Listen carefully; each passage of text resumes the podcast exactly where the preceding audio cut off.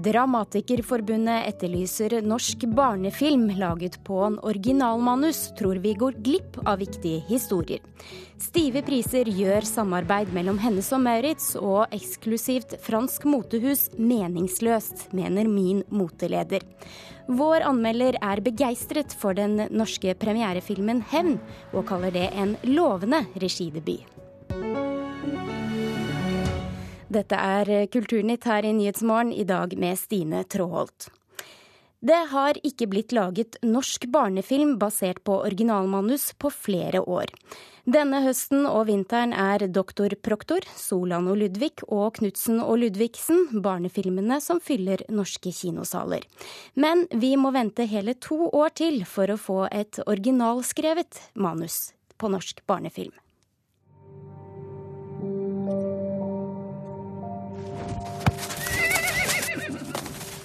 I disse dager forberedes produksjonen på barnefilmen Et hav imellom. Når den kommer på kino, har det gått hele seks år siden forrige gang en norsk barnefilm basert på originalmanus hadde premiere. Produsent Mona Pettersen synes det er for lenge. Det, jeg vil jo si at det er på tide, da. Eh, at det kanskje skulle vært satsa mer på, på originalskrevne filmer for barn, da. Så det vil jeg si er på høy tid.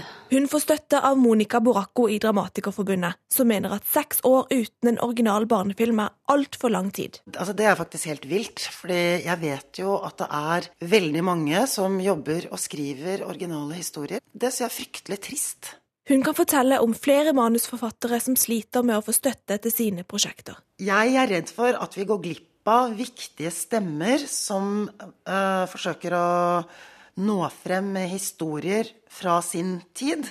Tids? Hva for noe? Nå så er han dratt til 1969 for å stoppe bryllupet mellom moi og Claude Cliché.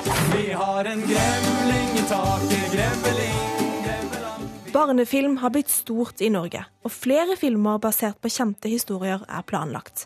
Produksjonsselskapet bak den kommende filmen Et hav imellom er så langt det eneste som tar sjansen på en originalidé. Doktor Proktor og Knutsen og Ludvigsen er to av filmene som gjør det godt denne høsten. Sveinung Golimo er avdelingsdirektør for utvikling og produksjon i Norsk Filminstitutt, og han mener at det norske publikummet trenger slike filmer. Eh, jeg tror det er viktig at det lages eh, barnefilmer også med en, viss variasjon. Men det viktigste er å ha et godt tilbud til det norske publikummet. Og, og sånn sett så er det jo blitt lagd veldig mye god barnefilm eh, de siste åra også. Det er NFI som bestemmer hvem som får støtte til produksjon. Og de har også satt i gang et prosjekt for utvikling av barnefilmmanus. Men Dramatikerforbundet ønsker seg en egen barnefilmkonsulent og øremerkede midler, noe Golimo stiller seg uforstående til. Det har jo vært signaler fra store deler av bransjen at man ønsker mindre oppdeling av midlene. At konsulentene får et større handlingsrom til å prioritere prosjekter. Så det er jo i så fall et forslag som går mot mye av de andre forslagene som har blitt lagt fram. Jeg kan ikke kaste stein. Kast den! Den kommende filmen til Mona Pettersens produksjonsselskap vil møte hard konkurranse når den får premiere. Hun er spent på hvordan filmen vil bli tatt imot av norske barn. Jeg vil ikke si at vi er bekymra, men vi ser jo at det kommer til å bli en konkurranse, og at vi kanskje må jobbe eh, mye hardere og kanskje enda mer fokusert enn de barnefilmene som lages ut ifra et kjent univers. Nei! Reporter i denne saken var Therese Mo. Dankert Monrad Krohn, du er sjef for barnefilmfestivalen i Kristiansand. Hvorfor blir dette slik? Ja, si det. Det er, jo, det er jo veldig forståelig at man uh, lager film på kjente universer. Det er jo dyrt å lage film. Og, og når man har på en måte merkevare eller en uh, kjent bok eller uh, en karakter som, som, folk kjenner fra før, så er det jo lettere å trekke folk til kinoen. Så det har jeg jo ikke noe problem med å forstå. Men uh, at det er behov for nyskrevne manus, det er det definitivt. Men samtidig så er det jo mye penger å hente i eh, nettopp barnefilm. Du får ofte to billetter for én. Ja, ja, eh, du har jo insentiver som, som støtter barnefilmproduksjon. Altså den etterhåndsstøtten som er på 200% den den gjør det jo attraktivt å investere i i barnefilm på den måten. Men hvis vi ser de siste årene, så er det jo eh, nesten utelukkende eh, markedsstøtte, som det heter, som, som barnefilm er produsert gjennom i, i støtteordningene i NFI. Sånn som du ser det, hvilke historier er det vi går glipp av? Ja, altså eh, Like så viktig som at det er originale manus, eller kanskje enda viktigere, er jo at det er samtidshistorier, etter min mening. Og Eh, du har f.eks. et eksempel på, eh, eller du har et eksempel som er Kule Kids. Så gråter ikke, som riktignok er basert på en, et nederlandsk originalmanus, eller utgangspunkt til det. Det er jo en, en historie som er nærmere vår tid, og, og de oppnår over 100 000 besøk på den filmen, som jo er helt fantastisk bra. Så det er, det er mulig å få besøk på på filmer med gode manus som er plassert eh, liksom, i vår tid, og ikke har veldig, veldig kjente karakterer eller merkevarer knytta til seg. Du er da sjef for eh, barnefilmfestivalene i Kristiansand og ser mye barnefilm fra hele verden. Er dette særegent for Norge? Nei, det er, det er nok ikke det. Altså, du ser jo igjen de samme, samme tingene i de aller, aller fleste land. Eh, men det er klart at vi er et, et lite, en liten befolkning, sånn at i mange land så har de større rom for å, for å, gjøre begge deler. Og det er, jo, det er, jo, det vi er opptatt av, eller jeg er opptatt av, er jo at bredden i barns tilbud skal være stort. At, eh, at man både bør lage store, breie publikumsfilmer og ting som er, er mindre produksjoner og med kanskje et mindre potensial av publikum. Ser du likevel tegn til bedring her hjemme? Ja, det gjør jeg. Altså, Filminstituttet har jo eh, sagt at eh, For det første har de sagt at de vil lage fire til fem barnefilmer i året. Og at eh, minimum to av dem bør være konsulentfilmer, altså støttet av, av deres konsulenter.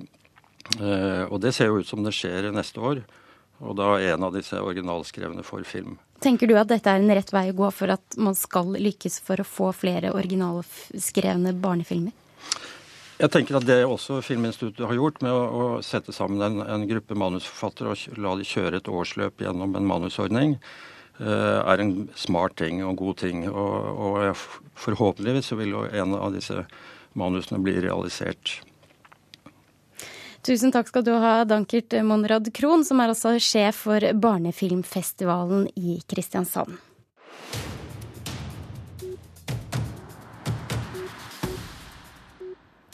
Meningsløst dyrt, slik beskriver lederen i Min Mote samarbeidet mellom Hennes og Maurits og den franske motehuset Balmain.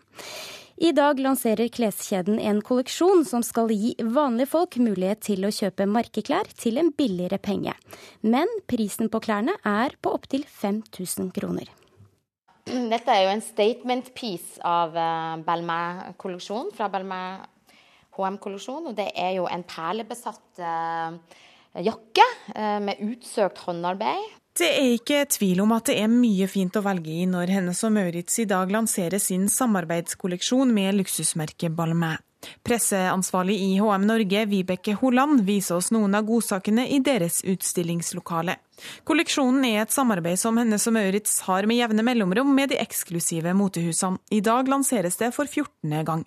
Tanken er å gjøre eksklusive mote tilgjengelig for flere. Ideen bak var jo også at vi kunne demokratisere moten. Altså gjøre det utilgjengelige tilgjengelig. Hot couture tilgjengelig.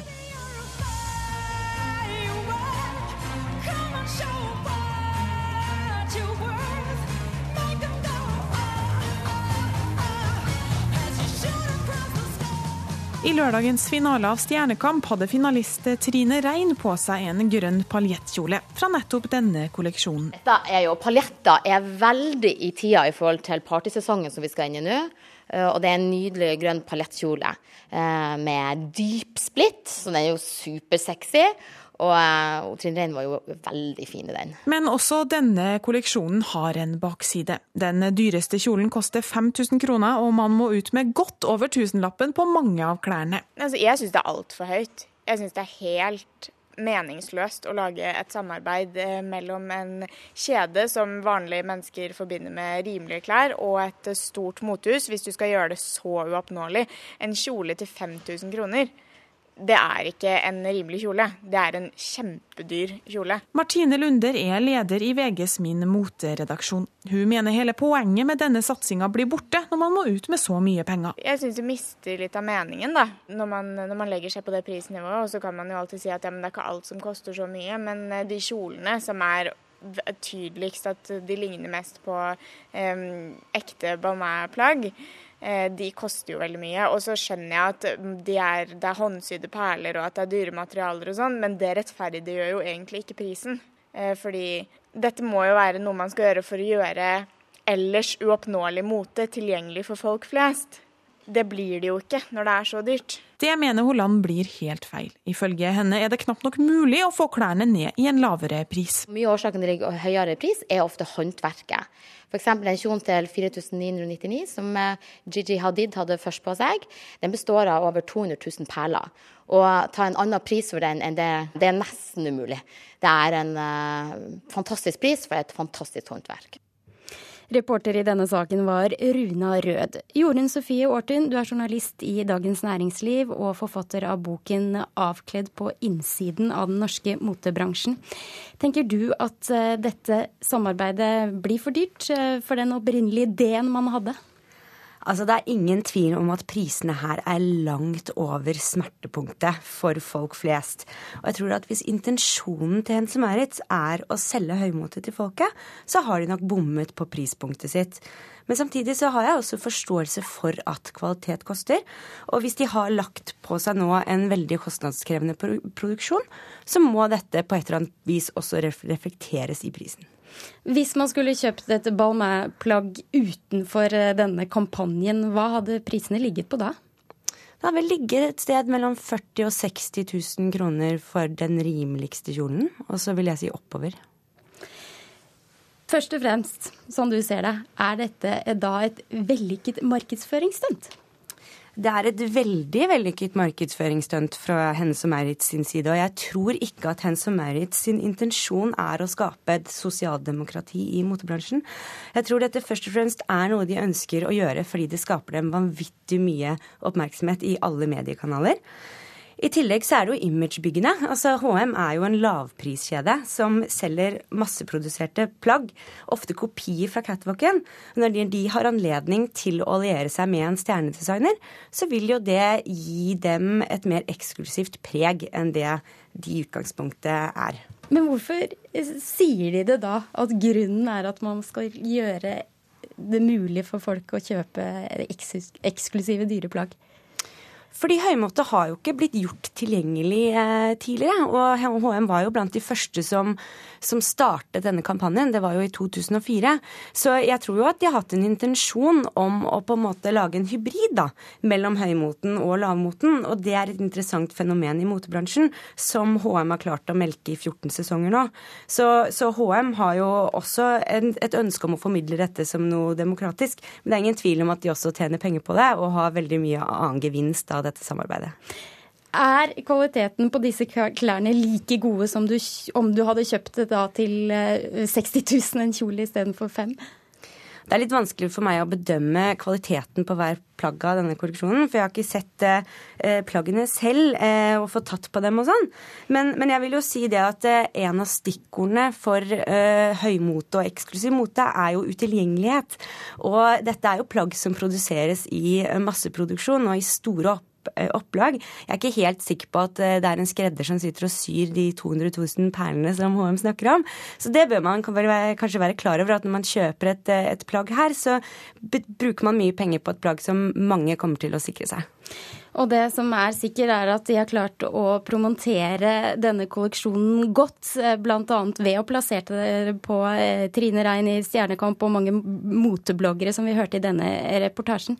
Eh, litt senere i sendinga så skal vi ned og, og sjekke interessen. Vi er utenfor Hennes og Maurits i Oslo.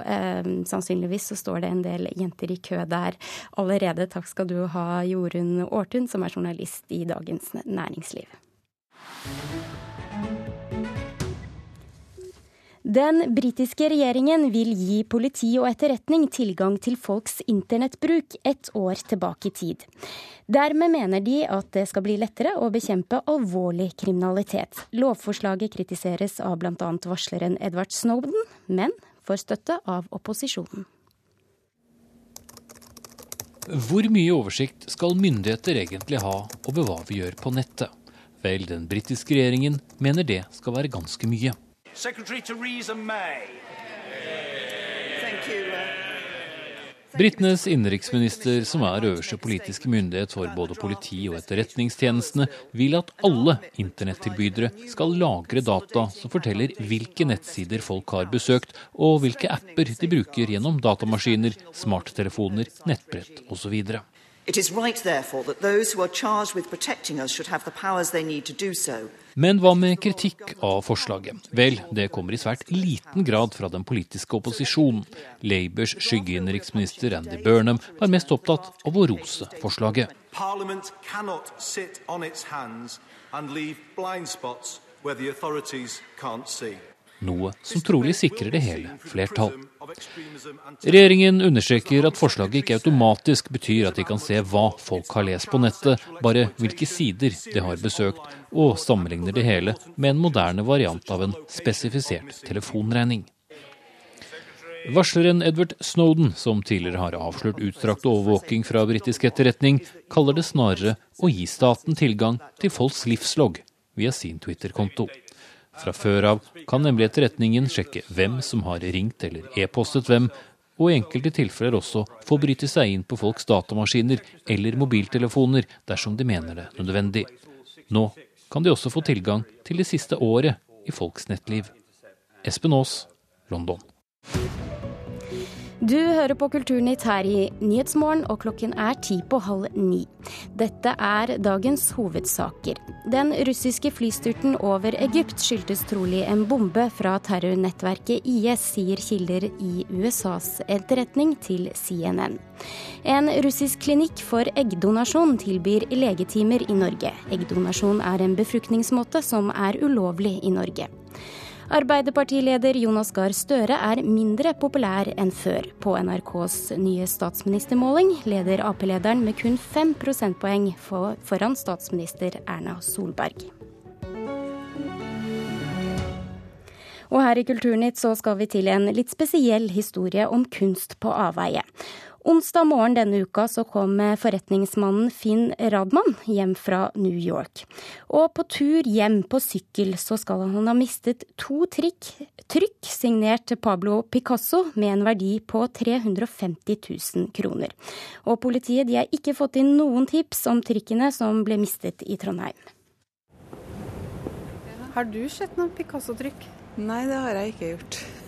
Hva hadde du gjort hvis du hadde sett ham, da? Jeg tror ikke jeg har kjent igjen og trodd at det har vært noe ordentlig. For det kan være vanskelig å tro at man kan finne to Picasso-trykk utenfor en matbutikk i Trondheim. Men det her er historien om forretningsmann Finn Radmann, som kan være definisjonen på den uheldige mannen. Og jeg tror at når jeg gikk ut herfra, så snur jeg emballasjen opp ned. Og den var lukka i bunnen, og så var den åpen i toppen. Radmann hadde vært i New York og henta bildene fra en samarbeidspartner. Trykkene, som har en verdi på 350 000 kroner, skulle brukes i ei kunstutstilling. De hadde vært med på flybytte, togreise og til sist en sykkeltur. Men der stoppa reisen. Og når jeg kommer hjem, så eh, er klokka åtte, og da eh, legger jeg meg. Ser ikke ned i emballasjen i det hele tatt. Før jeg våkner i ellevetida, og så skal jeg sortere tingene på plass, og da er den tom. Du, jeg fikk panikk. Rett og slett, jeg fikk panikk og siden onsdag morgen har trykkene vært borte.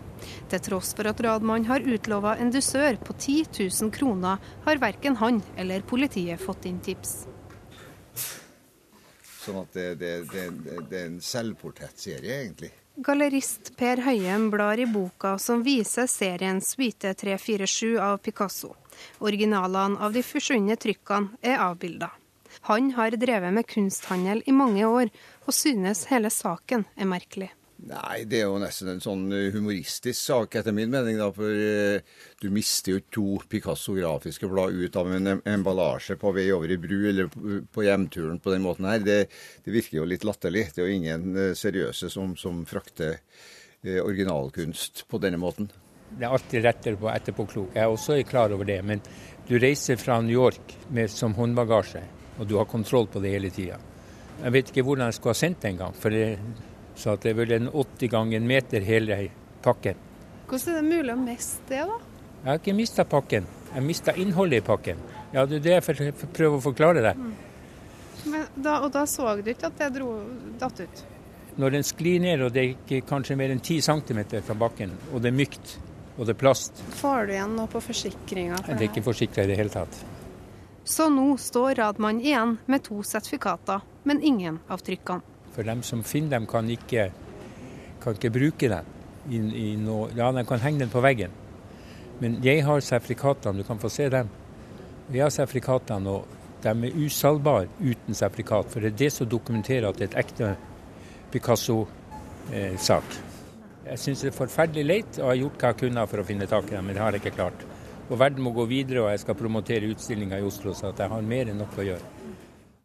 Ja, Det sa Finn Radman til reporter Kaja Kristin Næss. Og vi skal fra tapt kunst til en ny norsk film som har premiere i morgen. For nå har Ingvar Ambjørnsens roman 'Dukken i taket' blitt til filmen 'Hevn'. Den er skrevet og regissert av debutant Kjersti G. Steinsbø. Og den har til dels eh, klare og direkte fellestrekk med Vågå-saken, Søviknes-saken og Tina-saken. Vår anmelder mener mener at dette er en lovende debut. Jeg har ikke helt fått med meg at du skulle komme. Hadde vi en avtale, eller er det jeg som har rota? Nei, nei. Jeg har alltid hatt så lyst til å skrive om dette hotellet. Interessante ting kan skje når gamle synder kommer til overflata. Det gjør det i Kjersti G. Steinsbøs solide regidebut 'Hevn'. Hun har også skrevet manuset til filmen, fritt etter Ingvar Ambjørnsens roman 'Dukken i taket'. Resultatet er et ganske spennende drama, der skjulte sannheter lokkes frem i et psykologisk spill med potensielt ødeleggende konsekvenser. Mye er bra, bare enkelte scener har litt haltende dialog og flyt, uten at det virker ødeleggende. 'Hevn' er en veldreid film med overbevisende hovedrolleinnehavere i en historie som gjør meg nysgjerrig. Så du som jobber for det der magasinet? Ja. Men nå skal du intervjue Morten. Hvorfor det, da? Rebekka, spilt av Siren Jørgensen, kommer til ei idyllisk vestlandsbygd under falskt navn. Hun sier at hun kommer fra et reisemagasin, og vil intervjue hotelleieren Morten, spilt av Frode Winther, og kona Nina, spilt av Maria Bock. Men det skal vise seg at hun egentlig ønsker et oppgjør pga. noe som hendte for lenge siden, og setter i gang en slu prosess for å ødelegge idyllen og oppnå en form for rettferdighet. Jeg skjønner hva du holder på med. Men uansett så er det så mange år siden at du må bare la det ligge. Innledningsvis forstår vi at Rebekka har en brå handling i tankene, men muligheten forsvinner. Det er like greit, for jeg vet ikke om jeg er helt overbevist over denne situasjonen. Etter den første natta endrer hun taktikk til noe som er mer interessant. Det oppstår en spennende dynamikk, ikke bare mellom Rebekka, Morten og Nina, men også med stedets pubdriver Bimbo, spilt av Anders Båsmo Christiansen, legen Ivar, spilt av Trond Espen Seim, og stedets problembarn Maja, spilt av Helene Bergsholm. Hva syns du er rett straff, da? Jeg kjenner jeg blir så forbanna bare av å tenke på det. Jeg tror jeg kunne blitt voldelig. Men det er som om det å drepe han er en for enkel straff. Det er åpenbart hvem som fortjener det moralske overtaket i denne historien, men det kan av og til være vanskelig å holde på det. Siren Jørgensen spiller godt i hovedrollen, der en kombinasjon av sorg og raseri kamufleres, men alltid truer med å bryte gjennom fasaden. Du har ingenting med det her å gjøre! Noen småroller kunne muligens vært bedre besatt, for enkelte mindre sekvenser snubler litt. Men det ødelegger ikke inntrykket av at 'Hevn' er en lovende spillefilmdebut fra Kjersti G. Steinsbø. Ved siden av sitt eget velskrevne manus har hun bl.a. nytt godt av Anna Mykings fortreffelige foto og Jon Endre Mørks presise klipping. 'Hevn' har absolutt nok av kvaliteter til å fortjene hederlige besøkstall på kino. Jeg trodde at det der var over. Det trodde jeg òg. Det var Birger Vestmo som anmeldte hevn. I Tidligere i denne sendingen så hørte vi at stive priser gjør samarbeid mellom Hennes og Maurits og et eksklusivt fransk motehus meningsløst, mener min moteleder. Men like fullt så er det også et vellykket markedsføringsstunt. For klesbutikken lanserer nå sin kolleksjon, og utenfor Hennes og Maurits på Karl Johan i Oslo så er det mange unge jenter som ønsker seg å sikre seg et plagg fra den nye Balmain-kolleksjonen. Reporter eh, Torkil Torsvik, er køen lang? Du, Det har eh, kommet et ja, 30-talls eh, personer her. Du nevnte unge jenter, men det er faktisk et par eh, mannlige aktører her òg som står i kø for å få med seg det her, og kom tidlig inn til, til kleshylla. Nå er det faktisk iskaldt her. Jeg fryser, det høres sikkert på stemmen min, men Unn Helen Thorvaldsen, du har faktisk overnatta her. Det høres litt sånn unorsk ut å overnatte i kø for uh, å kjøpe klær, men det har du gjort. Hvorfor det? Nei, jeg ville sikre meg de, uh, ja, de fine plagga som jeg satte på lista mi. Som jeg håpa på å få tak i, og da må jeg stelle meg i kø for å ja, få tak i dem. Det er kommet kritikk eh, rundt pris. Eh, synes du denne kolleksjonen er blitt for dyr? Ja, den er blitt en del dyrere. Han har det. Og jeg syns den eh, kan gå ned. Så hvis det her fortsetter å øke, så tviler jeg på om jeg kommer til å fortsette med det her hvis det kommer en ny kolleksjon som jeg vil falle for. Ja, da blir det for dyrt. Nå har vi faktisk fått varm kaffe her, og det hjelper litt på en iskald Karl Johan. Men, eh, men dørene åpner om en og en halv time, så vi får se om køa blir lengre. Takk skal du ha, reporter Torkil Torsvik. Denne sendingen nærmer seg slutten, og du har bl.a. hørt at Dramatikerforbundet etterlyser norske barnefilmer laget på originalmanus. De tror vi går glipp av viktige historier. Og den britiske regjeringen vil gi politi og etterretning tilgang til folks internettbruk et år tilbake i tid. Nyhetsmorgen fortsetter her nå. Ansvarlig i dag var Vidar Semme.